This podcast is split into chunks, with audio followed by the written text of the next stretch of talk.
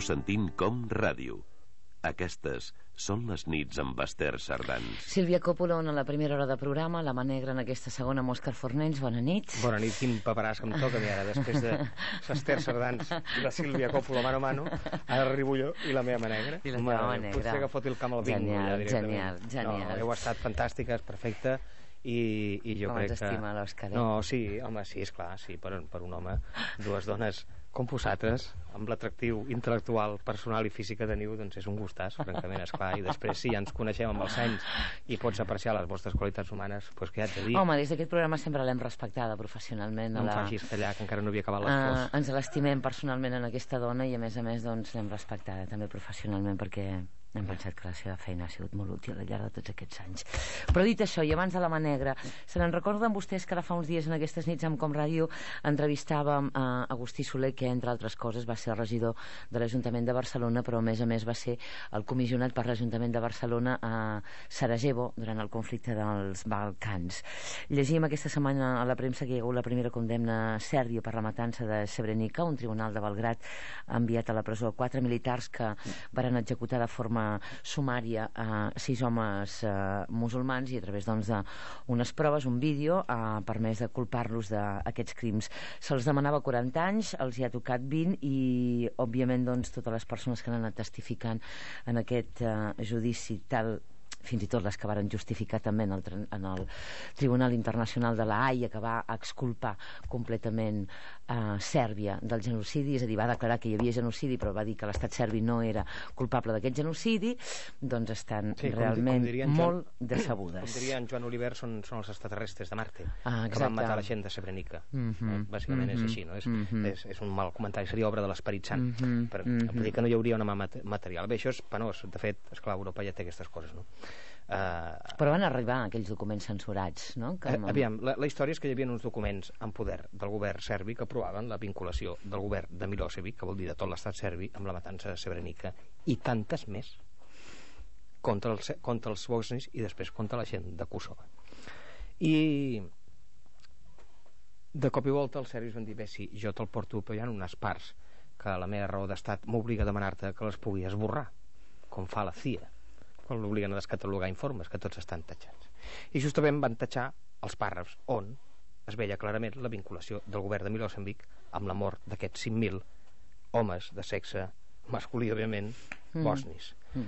Uh, I el tribunal va dir, en comptes de dir, ah, doncs no, no si me'l dones tatxat, doncs no el vull, no? Va dir, ah, sí, sí, dona'm el tatxat. Mhm. Ja està. No podia haver-hi una sentència inculpatòria perquè la principal prova d'aquesta inculpació de l'Estat i del govern serbi se li havia deixat al govern serbi esborrar-la. És a dir, llavors, això per què? Ha d'haver-hi un per què.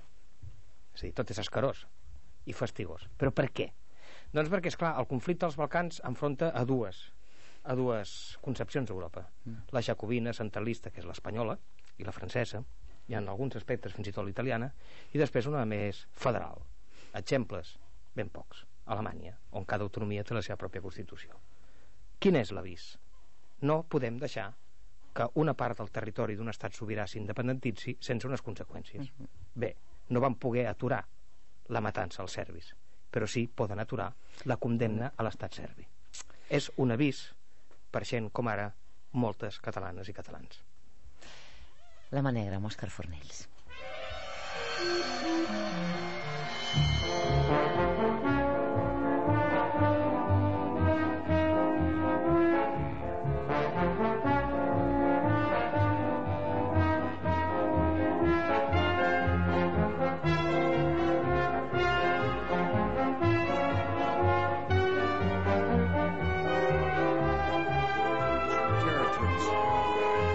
by the CIA, the FBI, the National Security Agency, and others.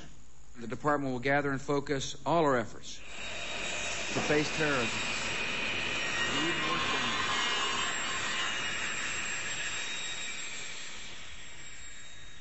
Les mans negres que fem des d'aquestes nits no tenen com a objectiu ser moralitzants, per tant, no tenen com a objectiu donar lliçons o paràmetres per tal que vostès ac- acabin actuant o pensant d'una manera o d'una altra. Les mans negres sí que parlen de moral, de la moral col·lectiva, de la seva intensitat o de la seva existència o fins i tot manca d'existència. La història que l'han feta i la fem els humans té també connotacions morals perquè hi ha fets que et posen a prova, que posen a prova la moral d'una societat. Tot és més senzill del que sembla i ho hem pogut veure recentment la societat dels Estats Units està a favor de les guerres que proposa o convoca o han proposat o han convocat els seus governs. La societat catalana al llarg de la seva història ha estat tradicionalment en contra del balicisme. Això voldria dir que una societat és millor que l'altra? No. Aquest fet potser ens diu que els fonaments morals d'aquesta societat són diferents. La pregunta és, són solidàries les societats? Les persones ho som realment? Seria una pregunta per un debat llarg, intens, farragós i segurament crispat. Si algun fet històric posa a prova la moral de les societats i de les nacions és la immigració. Convertir-se en societats que han de rebre un suposat i elevat nombre de persones que arriben d'altres terres per guanyar-se aquí la vida. Aquests processos poden ser senzills o, d'altra banda, podrien ser en excés traumàtics. A Europa estem vivint el conflicte de la migració. Persones magrebines del nord o del sud del Sàhara, de pell morena o negra, que forcen els mecanismes físics de seguretat per entrar a Europa sense documents i diríem sense autorització. S'imaginen vostès si tots aquests fets tràgics de les pasteres, de les persones que moren ofegades quan naufraguen, de la pressió policial, de la repressió policial, dels morts, les màfies, la corrupció del funcionariat públic, és a dir, tot el negoci de la immigració il·legal, tingués com a protagonistes a persones blanques d'origen europeu, majoritàriament catòliques, amb una llengua filla del llatí, és a dir, persones amb el mateix patró cultural que nosaltres, que vostès, S'imaginen pasteres plenes de gent com vostès? Per arribar a aquest escenari no cal imaginar massa, perquè és el que farem precisament aquesta nit. Viatjar en el passat de 40 anys. Explicar com europeus, homes, dones, nens i nenes varen ser explotades pels estats i per les màfies, pel trànsit clandestí de persones com a emigrants, per tant, com a persones sense papers. I el territori de trànsit de tota aquesta història que els explicarà la mà negra amb Òscar Fornells segueix sent Espanya com avui dia. És a dir, el color de la pell de les persones seria l'única diferència entre aquestes històries que tenen 40 anys o la que ens pot explicar qualsevol dona o home subsaharià. Per tant, els documents que vostès escoltaran aquesta nit bàsicament són testimonis del passat.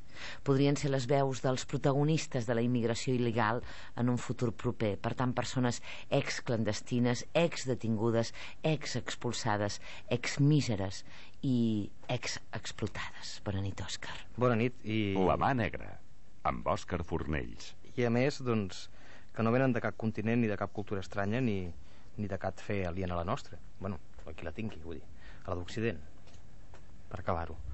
Perquè estem parlant de, de gent portuguesa, uh mhm. -huh. dels anys 60 als anys 70.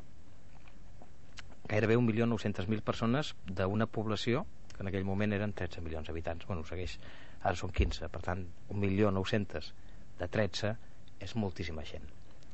Uh, esclar, jo... Mm, és difícil aquesta manera de sardans, però bé, en fi, començaríem amb una pregunta, no? Si, què, què faríem nosaltres a Catalunya si la corrupció abarqués tots els nivells de gestió pública i privada, si patíssim sota un règim d'autoritarisme, per tant, de manca de llibertat, si a més a més el sistema econòmic de Catalunya no ens permetés ni a nosaltres, ni a la nostra família o a la gent que estimem de treballar, per tant, condenats a la misèria, si, les, si la fam i les malalties fossin la conseqüència de no tenir feina d'una manca de llibertat, d'un autoritarisme i d'una corrupció intrínseca de tot el sistema i si a més a més per si no hi hagués poc patíssim una repressió policial directa o algú se l'hagués acudit de convocar una guerra civil. Mm, amb un índex d'alfabetisme realment molt elevat. Jo, això en el cas de Portugal, eh? Mm -hmm. Però eh, què faríem? Ja. És a dir, què, què, faria, què faríem molts de vostès? No es pot dir mai. És a dir, perquè en els escenaris que t'he descrit, és a dir, amb aquestes columnes, corrupció, autoritarisme, manca de llibertat, atur, fam, malaltia, repressió i guerra, doncs moltes persones que es creuen en, en es creuen capacitades per sobreviure tot esperant que vingui una certa primavera utòpica i, i tot, tot es podreixi per si sol i això faci reneixer alguna cosa. Però hi ha molta gent que no té aquesta paciència. No tenen paciència de que els hi piquin els polls no tenen paciència de fugir tota la vida, no tenen paciència per passar gana, no tenen paciència de no poder treballar amb el que han estudiat i no la tenen per què tenir. Però, és clar, nosaltres, persones que la nostra realitat és la del final del segle XX i la principi del segle XXI i el que té Rondere Morena, de les coses que veurem viure, doncs ens dona la sensació que tots aquests éssers humans que intenten saltar un mur, que els veus apallissats per una Guàrdia Civil impotent o tirotejats per la Guàrdia Nacional marroquí, és a dir, assassinats, que no tenen governs que, que donguin raó d'ells, que n'hi ha mil, que cap organització ha trobat i estan en mans marroquines i ningú sap on els han deixat. Ja. Que d'altres els ha rescatat el polissari. És a dir, quan veus un escenari com aquest, sembla impossible, no? És a dir, sembla absolutament impossible que tot pugui passar. Per tant, les persones que els hi passa això han de ser molt desafortunades i de països molt llunyans.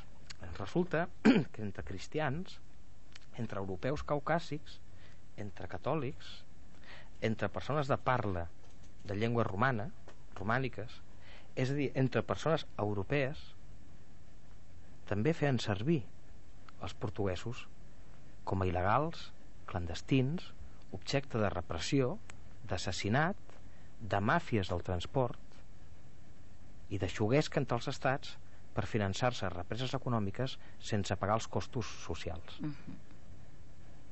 I això crec que és molt significatiu. És a dir, estem fent amb les persones d'altres continents allò que varen fer Mateix que entre varen persones fer. occidentals catòliques com nosaltres. És a dir, occidentals europees. Per tant, hem estat capaços de mercadejar amb europeus blancs fa 40 anys, sense cap problema. I segurament les seves línies per escapar de Portugal les, les xarxes, moltes d'elles deuen ser coincidents geogràficament amb la dels magrebins o la dels subsaharians que intenten entrar a Europa. Uh -huh. Som nosaltres a qui ens trontolla la moral. Que tenim una ànima monetarista. Que sabem que l'economia mana i que hi ha d'haver-hi gent que faci en darrera instància la feina que farà que tota una gran piràmide econòmica al final algun ministre pugui dir que l'atur baixa l'economia o el producte interior brut creix. I això quan ha, quan ha calgut doncs ha hagut un estat com ara França que ho ha fet. Si bé és cert que passat els anys els clandestins portuguesos catòlics que parlaven una llengua filla del llatí a qui va explotar després els va reconèixer uns drets. Però durant anys els va explotar. Els va tractar exactament igual i els va tenir exactament igual que a Catalunya tenim els subsaharians a la plaça de Catalunya. Aquesta migració massa, tu deies d'un milió nou-cents mil ciutadans no, de Portugal cap a Europa, però major, majoritàriament amb destí cap a, a, a França, hauria de formar part també de la història de les dones, perquè ja saben vostès el que es diu, que en el passat els homes anaven a les guerres si les dones també ho creien convenient. I és per això que les revolucions també les han fet les dones, convertint el seu poder de matriarcat en força de canvi. Per tant, una primera parada per parlar d'aquestes dones a través d'aquest documental que, que ens serveix avui de, de base per fer aquesta mà negra. si m'ho permets abans de, de sentir aquesta tria Sí, de persones que han estat exclandestins que ja tots són grans sí, sí. i disfruten, gairebé tots els que escoltarem i disfruten de la seva del jubilació fruit del i de seu la seva, esforç. sí, sí, de la seva força Esclar, de treball. nosaltres creiem que, que els territoris, els països, les nacions que són corruptes, manades per un autoritarisme, eh, on la gent no té llibertat, on no tenen feina i on es moren de fam o pateixen malalties i si no estan malalts els hi foten la cara nova a la policia mitjan repressió policial o finalment els involucren en una guerra mm, que tot això no és propi d'europeus que les societats europees aquesta seqüència no l'han viscuda mai doncs no és cert perquè l'Espanya de Franco ja era això Mhm. fins als anys 60 llarguíssims anys 60 no van treure el cap econòmicament Mhm. però la dictadura a Portugal també ho era Mhm. per tant, aquestes persones viatjaven perquè volien o fugien d'un escena- d'un escenari de destrucció humana Mhm. els escenaris de destrucció humana i econòmica de Portugal, d'Espanya o de Grècia no són tan diferents a les nacions que s'han autodestruït per un excés de corrupció És a dir, el Congo, el Zaire, o Angola, o Sierra Leona, o Santo Tomé Príncipe, d'avui dia són el Portugal, l'Espanya i Grècia fa 30 anys. No donaven per més. Per tant, el trànsit d'il·legals es feia entre europeus. Però és que jo suposo també aquesta seqüència, les dones, no? Els marits sense feina, és a dir, visquen una situació econòmica tan miserable i els fills, clar, obligats a anar a la guerra i la dona es planta i diu de cap de les maneres. UGT y en Aviate Jacques. Donde yo vivía había muchos que venían de allí y decían que estaba muy mal y que había muchos muertos. Jambes. Los hombres venían sin brazos y sin piernas. Por eso nuestras madres nos decían, hijo mío, tú no irás a la guerra, te irás a Francia. Era el país que entonces necesitaba mano de obra. Como teníamos familia allí, intenté dar el salto y me fui.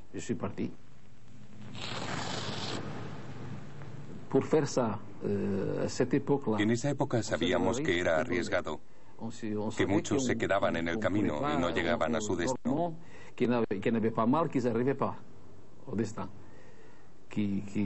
Sabíamos que había muchas dificultades. Pero no había elección y no íbamos a retroceder.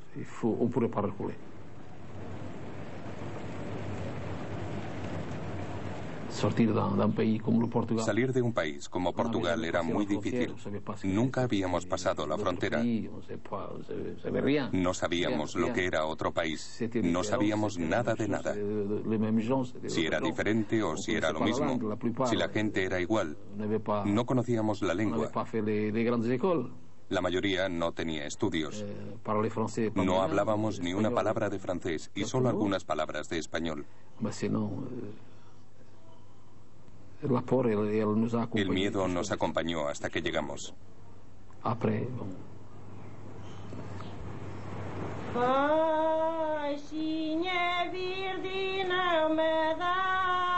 Com, com s'assembla aquest, aquest testimoni d'aquest ex-clandestí, ex-persona obligada a emigrar sense papers que va haver de creuar Portugal i tota la península ibèrica i tota la frontera franquista amb França, que era militaritzada, no ho oblidem, i la frontera entre Portugal i Espanya, que era militaritzada, per poder arribar a meitats dels anys 60 a França. Eh, esclar, Amb què ell- s'assembla? En, en què s'assembla a les persones que, que ens poden, de subsaharianes que ens poden sortir qualsevol noticiari. Mm. No tenia, no tinc elecció, no puc tirar enrere.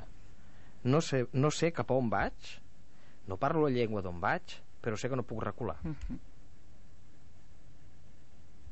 Caram, ves per on, no?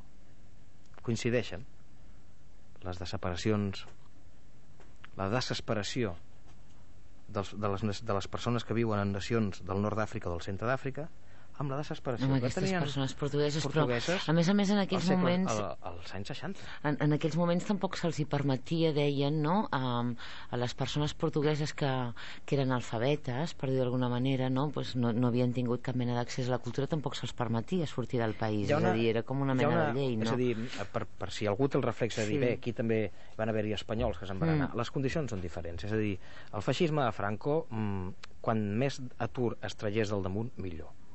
Misèries, desequilibri. Si es poden guanyar la vida en un altre lloc, tira milles. Però, esclar, l'Espanya de Franco no era un imperi, Mm. era un racó del planeta. Mhm. i tenia el doble d'habitants que Portugal. Demogràficament, Espanya tenia el doble d'habitants que Portugal. Portugal tenia la meitat d'habitants que Espanya, però en canvi tenia un imperi vigent als anys 60 Mhm. i un imperi que estava en guerra. Per tant, li calia que ningú se n'anés al país, Ja. perquè si eren pocs i amb poca capacitat De fer front també a aquests... de natalitat, Clar.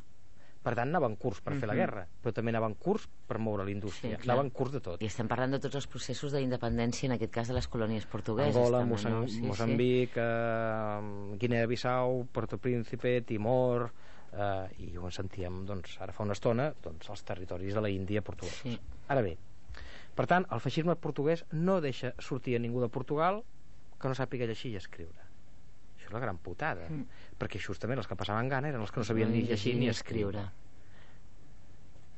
La dada és molt important. la gent emigrava en secret. Un dia tu vivies en un poble de l'Alentejo, que seria la part la part espanyola de l'Alentejo és Extremadura i, i resulta que l'endemà anaves a comprar pa i el forner ja no hi era on és el forner? ha fugit de la policia per poder emigrar és a dir, si tu intentaves fugir de Portugal per emigrar i et pillava la Guàrdia Republicana potser no tornaves viu per tant els pobles i les ciutats es buidaven en secret uh mhm. -huh. ningú deia res tothom callava uh mhm. -huh. perquè o t'esperava la fam i l'analfabetisme o t'esperava, si eres jove, que t'enviessin a una guerra a Àsia o a Àfrica en secret amb silenci, amb un, una conjorxa ciutadana dels més pobres i els més incults moguda per les dones que eren les caps del matriarcat començaven a salvar els marits de la misèria obligant-los a migrar i, I els... començaven a salvar els fills de la guerra obligant-los a migrar, a migrar. Uh -huh. Ara és el... però que quedi clar això eh? és a dir Franco obre molt més aviat les fronteres i que foti el camp qui es mori de gana. I el feixisme a Portugal diu d'aquí no surt, ningú, ningú. perquè on s'enfonsem tots uh -huh. o sobrevivim. Ara és el moment de que coneguem el present de persones exclandestines, il·legals, sense papers, per tant parcialment apàtrides, expulsades dels seus països per la misèria i rebudes en d'altres amb recel, amb xenofòbia o amb freda indiferència. Persones ex sense papers que ara doncs des d'aquesta jubilació recorden la seva lluita desesperada contra la guerra o la fam.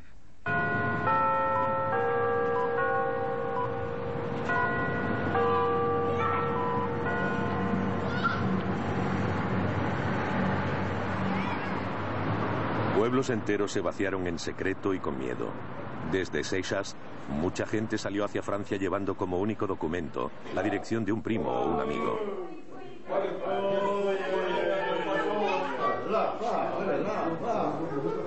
Las noticias que llegaban al pueblo decían que en Francia contrataban, que bastaba con encontrar trabajo para que te dieran los papeles. Entonces ese pueblo, durante mucho tiempo volcado hacia Brasil y Angola, emprendió el camino de Francia y Europa.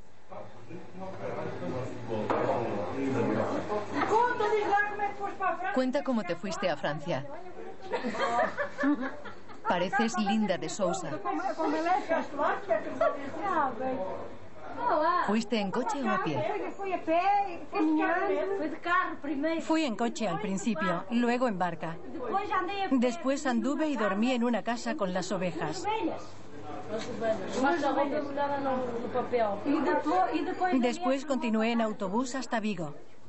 En Vigo cogí un tren hasta San Sebastián, en donde me quedé en una casa de españoles. Me dieron una identidad falsa porque como tenía 16 años no podía pasar la frontera. Después crucé la frontera por Endaya a pie. Y en Endaya cogí un tren hasta París. ¿Cómo llevabas la ropa? En una bolsa de plástico. ¿Llevaste tu ropa en una bolsa de plástico? Y fuiste como Linda de Sousa. Al menos Linda de Sousa tenía una maleta. Una maleta de cartón. De fet, la grandesa humana també es manifesta amb el sentit de l'humor, no? amb la capacitat de riure dels pitjors moments potser que, que has viscut, no? amb una certa, fins i tot, alegria, no? És curiós, les bosses de plàstic com a, mm. com a subjecte passiu d'aquestes imatges de tragèdia, que és la immigració, la gent que mor, que mor ofegada al mar o que està interceptada per policies corruptes com la marroquina i no arriba mai a Ceuta perquè desapareixen pel camí sembla que d'aquest tema no n'hem de parlar. Vull dir, no se'ns ocupa tant la gent, ens n'ocupem quan es queden amorrats a, a la valla de Ceuta. I llavors les nostres càmeres, entre cometes, filmen com els apallissen o els fan desaparèixer. Però és que n'hi ha molts que no arriben que es queden pel camí físicament. És dir, que no hauran ni ensumat el penyó de Gibraltar. Perquè és precisament la policia marroquí els que els buida de peles. Mm. i no només aquestes persones sinó el deute que, que tenen amb les màfies i la bossa i, per de plàstic. tant, eh, Aquesta... les famílies que tenen els seus respectius països m'agradaria saber com Aquesta dona acabar, va caminar no? fins a la frontera mm. en Galícia sí. d'amagat pel seu país va creuar el riu Minho, mm -hmm. va arribar fins a Vigo, va arribar mm -hmm. com va poder a França alguna família que, espanyola que allà formava part d'aquestes xarxes clandestines de persones il·legals mm -hmm. clandestines, sense papers ni passaport doncs li va dir una entitat falsa i cap a França Ja hem cobrat tots. Fort, eh? Sí, sí, increïble. Vull dir que això no ho fotien, això no era altruista, eh? No, no. Havies de subornar a no sé quants tios la Guàrdia Republicana de Portugal perquè et deixessin passar, esclar, home.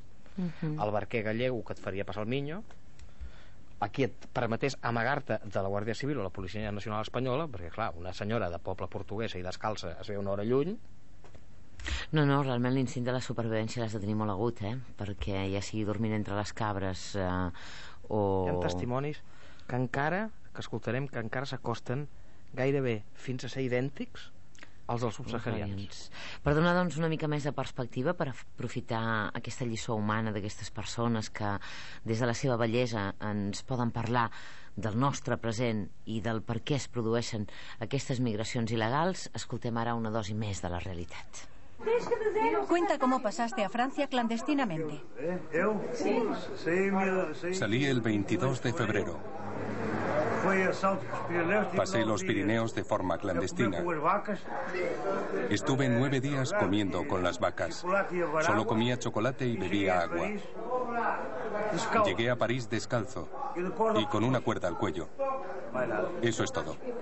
¿Pasaste las alambradas? Sí, en Endaya salté el muro. Estuve detenido dos horas. Pero afortunadamente me liberaron. Habla fuerte. Solo Dios sabe lo que pasé para llegar. Hambre, los pies desnudos, sin zapatos, hecho harapos.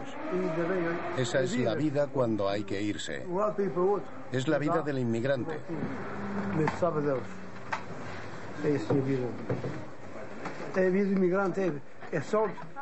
Como lo que pasa en otros países. Por ejemplo, en España. Se ahogan o son arrestados. Lo vemos todos los días. Lo veo y lloro pensando en lo que yo he pasado.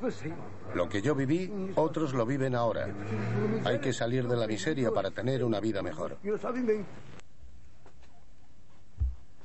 És que és molt fort. Tu veus en la imatge mm -hmm. i és un, mm-hmm. és un llallo, és un senyor gran vestit de diumenge sí, que va sí. comprar el pa i que, i que ha, ha, ha patit aquest procés de degradació de la moral humana tan fort com per passar gana, viure amb les vaques, anar esparracat i arribar a París descalç.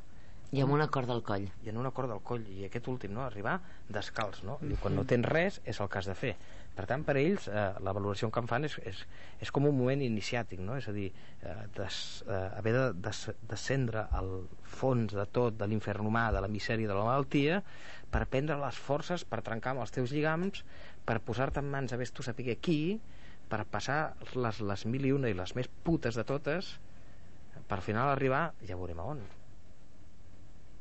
Prendre la decisió de marxar no vol dir necessàriament que t'estiguis fent un futur de cap de les maneres uh -huh. és un procés, és un primer pas no, no, però és que eh, segurament el més increïble de tot plegat és que posant tot anava, aquest insisteixo, anaven a missa, eren catòlics uh -huh. practicants una sí, majoria sí. d'ells, gent de peixers a missa uh -huh. els diumenges, imagina't el capellà no marxeu, us agafarà la policia vull dir que no, no, que no té tant a veure Vull dir que el Déu dels musulmans els deixa tirats uh -huh. i el Déu d'aquí també deixava tirats uh -huh. aquesta gent, eh? No, no, però és, el cert és el, el més extraordinari de tot plegat és que no deixa de ser... És a dir, que, que el mm, curiós que és com, com es repeteix la història i, o potser com es repeteixen aquests conceptes històrics, no? Tot i que estem parlant d'èpoques tan, tan distanciades, però això mateix és el que podríem estar escoltant en aquests moments i en canvi quan ho escoltem... Eh, amb un bon gruix també de la població és que també tant se'ls hi en fot la vida d'aquestes persones subsaharianes. I... És que tu preguntaves al principi quina capacitat real tenen les societats occidentals avançades a ser solidàries. A mi em dóna la sensació que en conjunt cap. Societat com a tal, com una cosa única, no és solidària. No. Només has d'anar a una reunió de propietaris de pisos per veure el grau de solidaritat i esperit comú que regeix aquelles reunions, en general per no dir-te l'activitat interior d'un partit polític és a dir la, el tancar files a l'entorn d'un ideal i defensar-lo fins al final que en aquest cas pugui ser la solidaritat amb les persones més afavorides és impossible que es produeixi tenim grans individualitats mm -hmm. i assumim però, molt ràpidament però la realitat la, que ens ha tocat viure però la eh? societat en general no ho és perquè, ja. bueno, aviam jo avui dia encara no he aconseguit d'anar a la plaça Catalunya a agafar un subsaharià i convidar-lo un menú i parlar amb ell no ho he fet però m'has de preguntar i per què no ho faig? perquè igual després del menjar em dirà que no té on dormir uh mhm. -huh. hòstia i si no té on dormir què faig? Uh mhm. -huh. l'acomiado i el deixo amb el menú de 10 uh -huh. euros o me l'enduc a casa uh mhm. -huh. una estranya casa és el mateix una estranya casa que el teu país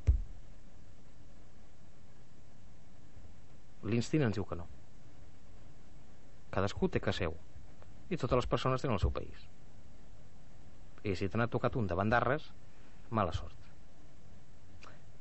Jo no sé si això és correcte o no però és que jo insisteixo és que nosaltres també vam ser el Zaire. O com es pensen que era la península ibèrica durant les guerres carlines? Versalles Uh -huh. El que passa és que caldria preguntar-se també quin significat va tenir l'èxode de moltíssimes persones quan nosaltres també érem al Zaire, d'acord? És a dir, quina manera va contribuir aquest èxode després a intentar restablir uh, algun altre sistema polític que no fos precisament és per això que fallen els mecanismes de la solidaritat. L'altra banda, el receptor d'aquests clandestins, sense paper, ni passaport, ni, per, ni permís de treball, era França. Uh mhm. -huh. La França de De Gaulle. I, I què fa França? Cony, França, poca conya. Vull dir, administrativament és un estat que funciona molt bé. Mhm. -huh. Les factures van van rectes com un pal. -huh. Les administracions van rectes com un pal. Els alcaldes van rectes com un pal Aquí tothom audit, audita a tothom. França, amb aquest aspecte, de, de ser escrupulosos és, és impecable, sí. I com és possible que rebessin a quasi 400.000 persones en una primera onada i els fessin sí, treballar tots sense contracte, contracte de treball? Mm. Doncs perquè s'havien de reconstruir a la zona Guerra Mundial. Mm, clar. Quan arriben els portuguesos a França? A meitats dels 60 és un moment de boom econòmic en què inverteix una part d'aquest boom econòmic França en la tecnologia nuclear, uh -huh. en la tecnologia nuclear i el disseny, sí, per exemple, de, de centrals nuclears. Nuclear, sí, sí. Qui havia de fer l'esforç uh -huh. últim de construir aquestes coses? Els immigrants. El boom econòmic de França es produeix als anys 60 perquè té quasi un milió de treballadors sense contracte. Sí. Aquí els empresaris poden pagar el que vulguin. Uh -huh. I no els van regularitzar fins que no van fer el salt econòmic. Uh -huh. Llavors van tenir, això sí, la gentilesa de qui volgués fer-li els papers. M'entens? Sí. Però entre que tu arribes descalç i et foten els papers i t'has de tirar set anys com un puta sense dret a res i a punt perquè t'expulsin bueno, és el teu esforç per aconseguir la ciutadania Realment avui dia podem veure, ara que parlaves de salt, com des del de territori marroquí aquestes persones subsaharianes intenten saltar amb, amb escales el mur defensiu europeu construït eh, en territori espanyol a Ceuta. Saltar la valla en diuen i ho hem, ho hem pogut escoltar en moltíssimes ocasions amb aquestes imatges que hem pogut veure a través també de la televisió de manera molt repetitiva. Saltar el mur. Però la pregunta és com en deien els portuguesos d'ara fa 40 anys a un procés consistent en violar aquesta prohibició portuguesa de migrar, creuar l'Espanya feixista de Franco per entrar clandestinament a la França de De Gaulle, saben vostès com en deien? Doncs, o salto, és a dir, el salt.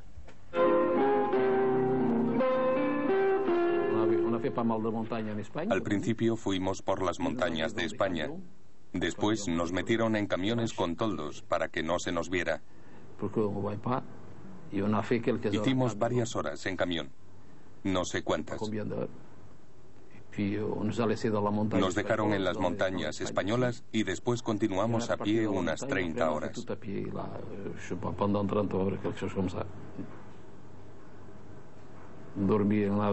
Dormíamos siempre entre las vacas, los corderos y las cabras.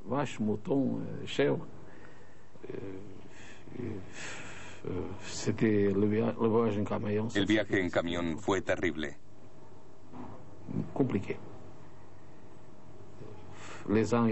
Íbamos amontonados unos sobre otros.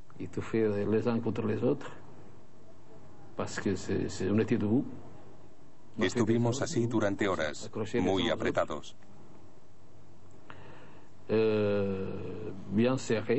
No sé cuántos pueden entrar en un camión así, pero habría 100 o 125.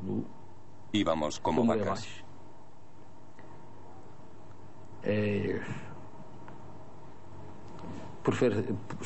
Sobre todo era muy difícil para hacer las necesidades.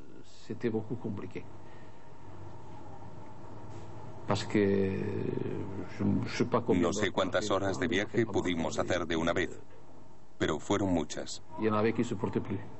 Algunos no podían aguantar más. Había gente enferma.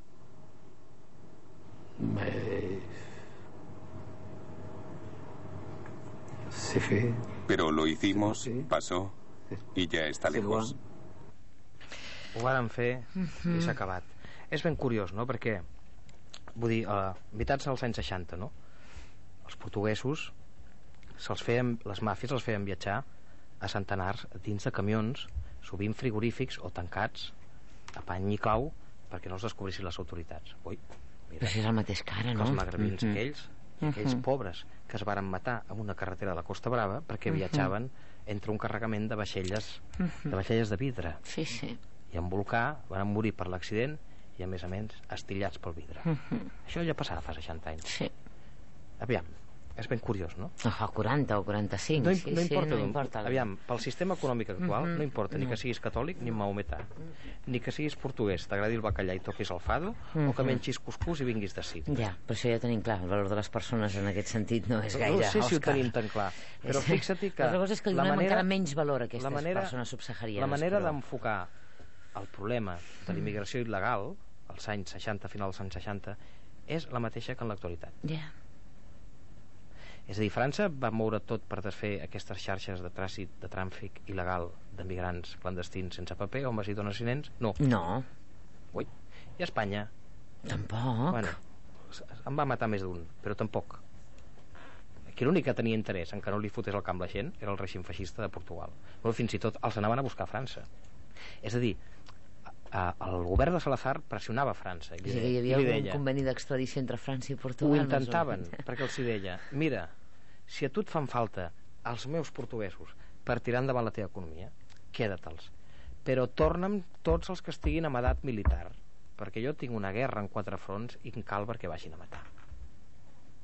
Mira si eren perversos. És a dir, les criatures, els vells i els malalts te'ls pots quedar Quina... i si els vols, i si vols fer-los treballar. Uh mhm. -huh però torna'm els que estan a edat militar.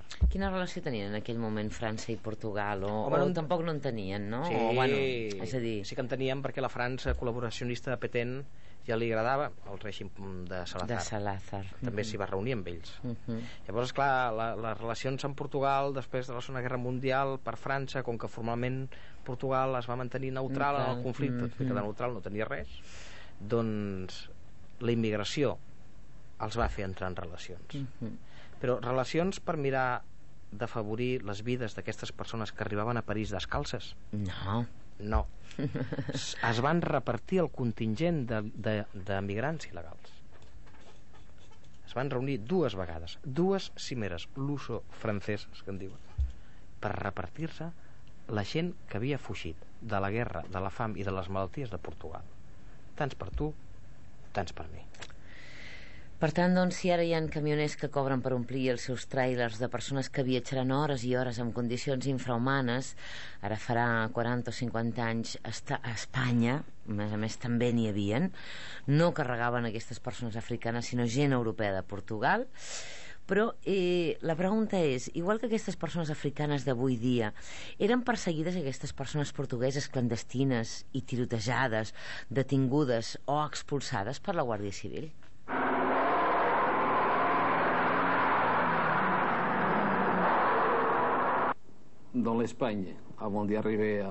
En España, antes de llegar a la frontera francesa, fuimos atacados por la policía tres o cuatro veces en plena montaña.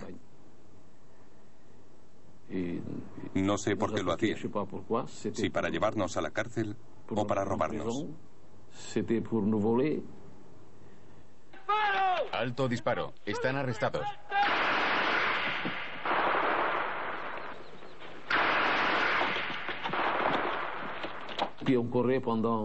Corríamos durante media hora o tres cuartos, unos detrás de otros, en fila india. Saltábamos a derecha e izquierda. Como siempre, los jóvenes pasaban delante. y los mayores se quedaban atrás. Lo peor era la sed. No puedo olvidarlo. Siempre teníamos sed. Era invierno, pero teníamos sed. Sería por el hecho de andar por las montañas o por el miedo. Pero siempre estábamos sedientos. A veces nos poníamos un pañuelo para beber el sudor, que estaba salado. Cuando se empapaba, lo bebíamos. Jo no sé si, si estem aconseguint la intenció d'aquesta manera i és, és que vostès puguin veure les coincidències que hi ha entre els testimonis de persones clandestines que van haver d'entrar a França i les persones clandestines que intenten entrar a Espanya avui dia. Uh -huh. És a dir, tirotejats per la Guàrdia Civil, no sabien si per detenir-los o per robar-los, ja se sap que de la misèria tothom en treu profit, existeix la possibilitat seriosa que els robessin, com també que els palessin si no es deixaven robar. Al cap i a fi, si no tenien passaport ni papers, qui eren? I Portugal els buscava, perquè havien comès el delicte de marxar. Ja. Yeah. Amb una persona que no té pàtria, yeah. i la pàtria no s'interessa per ell, mm. li pots robar hasta els pèls a la pestanya, perquè si no, si li fots un tret al cap, ningú demanarà per ell. Ja, ja. Ja veuen vostès que tot parlant de la immigració clandestina es donen la mà al passat i al present. Camions plens de persones humanes, les forces de seguretat perseguint-los, potser robant-los, potser tirotejant-los, però una altra de les preguntes que ens hem fet, existien màfies que traficaven precisament amb humans? És a dir, aquestes màfies eren consentides per les autoritats espanyoles o franceses o portugueses, i franceses i portugueses. Hi havia alguna ruta establerta perquè poguessin passar-hi aquestes persones clandestines?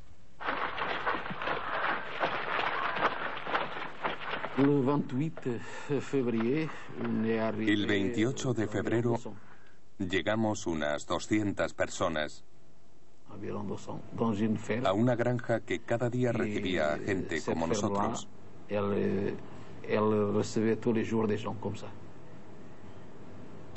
Grupos como el nuestro pasaban por allí cada día. Que lá, lá. Tenen l'enferm... En esta granja nos metían en un patio donde tenían a las vacas. De toujours mélangé avec les vaches. Et on nous a donné un peu de, de, de, de Nos dieron un poco de carne de cerdo. De, de viande de porc. Eh, ¿Cómo es que on dit la, la viande Una especie de chuletas finas la viande de porc eh, y un trozo de pan. Nos ha donné ça. Y allí pasamos la noche. Al día siguiente había que marcharse. En ese momento separaban a la gente. Nos metían en furgonetas según el destino de cada uno. Intentaban agrupar a la gente por la proximidad de las direcciones y partíamos. ¿Cuánto traes? 240 francos. ¿Me puede decir dónde está esta dirección? No sé, no tengo tiempo. ¿Quién más quiere cambiar dinero? Yo 400 escudos. ¿400? 60 francos. ¿Solo? Ve con él a Champigny. Después te llevará a la estación. Allí cogerás el tren. Ven con nosotros. Luego ya veremos. Aquest document, aquest, eh, la font d'aquests documents que estan escoltant és un documental de producció portuguesa, a més pel Canal Història, perquè el Canal Història és bilingüe, és un fet excepcional. És a dir, el Canal Història emet en castellà, però és incapaç d'emetre en, en gallec, en català o en basc. Però per contra sí que pot emetre en portuguès per la versió portuguesa del canal, no? és un fet a tenir en compte la nostra classe política és un, una finestra cobro no? Vull dir que el bilingüisme en els canals temàtics és possible perquè si els portuguesos en poden gaudir per què no se'n pot gaudir en català més enllà d'això per tant aquests testimonis d'on surten? del periodisme d'investigació Sardans, els periodistes sí, sí. també eren presents als anys 60 per la part francesa ells també estaven espantats aquest trànsit d'homes també filmaven les persones que havien mort pels camins pels camins i els intentaven entrevistar i pressionaven a les autoritats perquè acabessin amb aquest tràfic de persones sense papers i feien reportatges per la televisió i jo he passat una nit amb un camió amb un portuguès mm. i la gent ho mirava horroritzada després els hi deien és el progrés a la France bueno, aquí venia, que hi havia venia, com aquell qui diu que tenia venia, televisió de tota manera i aquí venia el gran problema mm. quin era? el subconscient benestant de les societats que se senten riques en el fons sabem que cal mal d'obra barata perquè el nostre miracle econòmic es mantingui sí, sí. davant del dubte de la moralitat de si aquelles persones podien viure descalces entre barraques i construir els pisos on tu aniràs a viure després mm -hmm. No hi ha elecció que el construeixin si tenen sort algú els hi construirà el seu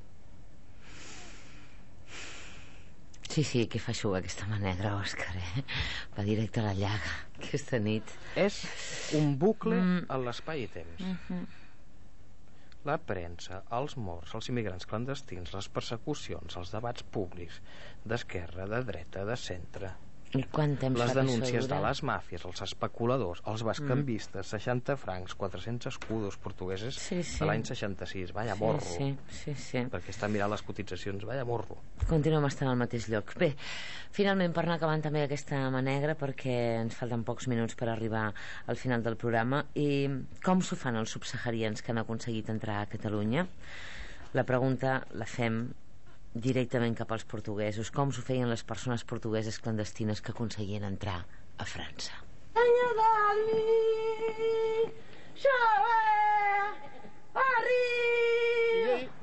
Llegué a París pasada la medianoche. Cogí un taxi. Mostré la dirección, que no sabía decir nada. Como no hablaba francés, le mostré la dirección y dijo, de acuerdo, partimos para Sucy y Henry. Siempre. El taxi recorrió todas las calles y no consiguió encontrar la dirección. Era ya más de la una de la mañana. No entendía lo que me decía, pero adiviné que me dejaba allí porque no la encontraba. No consigo dar con esta dirección, no consigo. Me pidió unos 90 francos. Yo le di 100. Le dejé el resto y me quedé en medio de la calle. Y fiqué en la rúa. Fiqué en medio de la rúa, sí. Había un jardín. Había un jardín con un gran árbol. Era verano y me acosté bajo el árbol. Y allí me dormí. Cuando me desperté ya había amanecido. Me levanté y pensé, ¿a dónde voy a ir? No tengo dinero, no tenía ni siquiera para comer. Eh, no tenía dinero para comer, no tenía nada. No sabía a dónde ir ni qué hacer.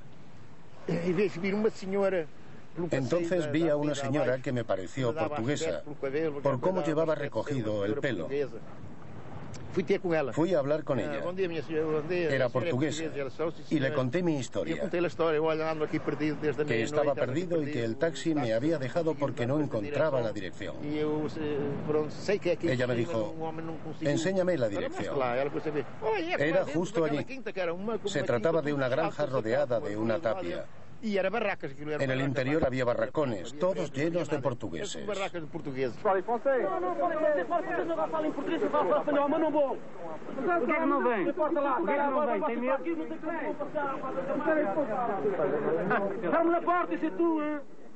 Pour cette catégorie d'immigrants, les clandestins, la vie commence en France par la colère. Això és un reportatge sí, sí. de la televisió pública francesa de l'època. I què ens deia aquest reportatge? Doncs que quin ambient hi havia en aquests camps de barraques en solars de ciutats franceses plenes de milers d'homes i dones i criatures portugueses. Què hi pot haver-hi? Mala llet. Mhm. -huh. Perquè les has passat canutes per arribar fins allà. I quan arribes allà, què fas? Perquè com no trobis l'adreça d'aquell cosí germà que tenies allà, no arribes. Mm, I el taxi I si arribes... tota la pasta que portes a sobre, no? I si arribes, què et trobaràs? Uh -huh.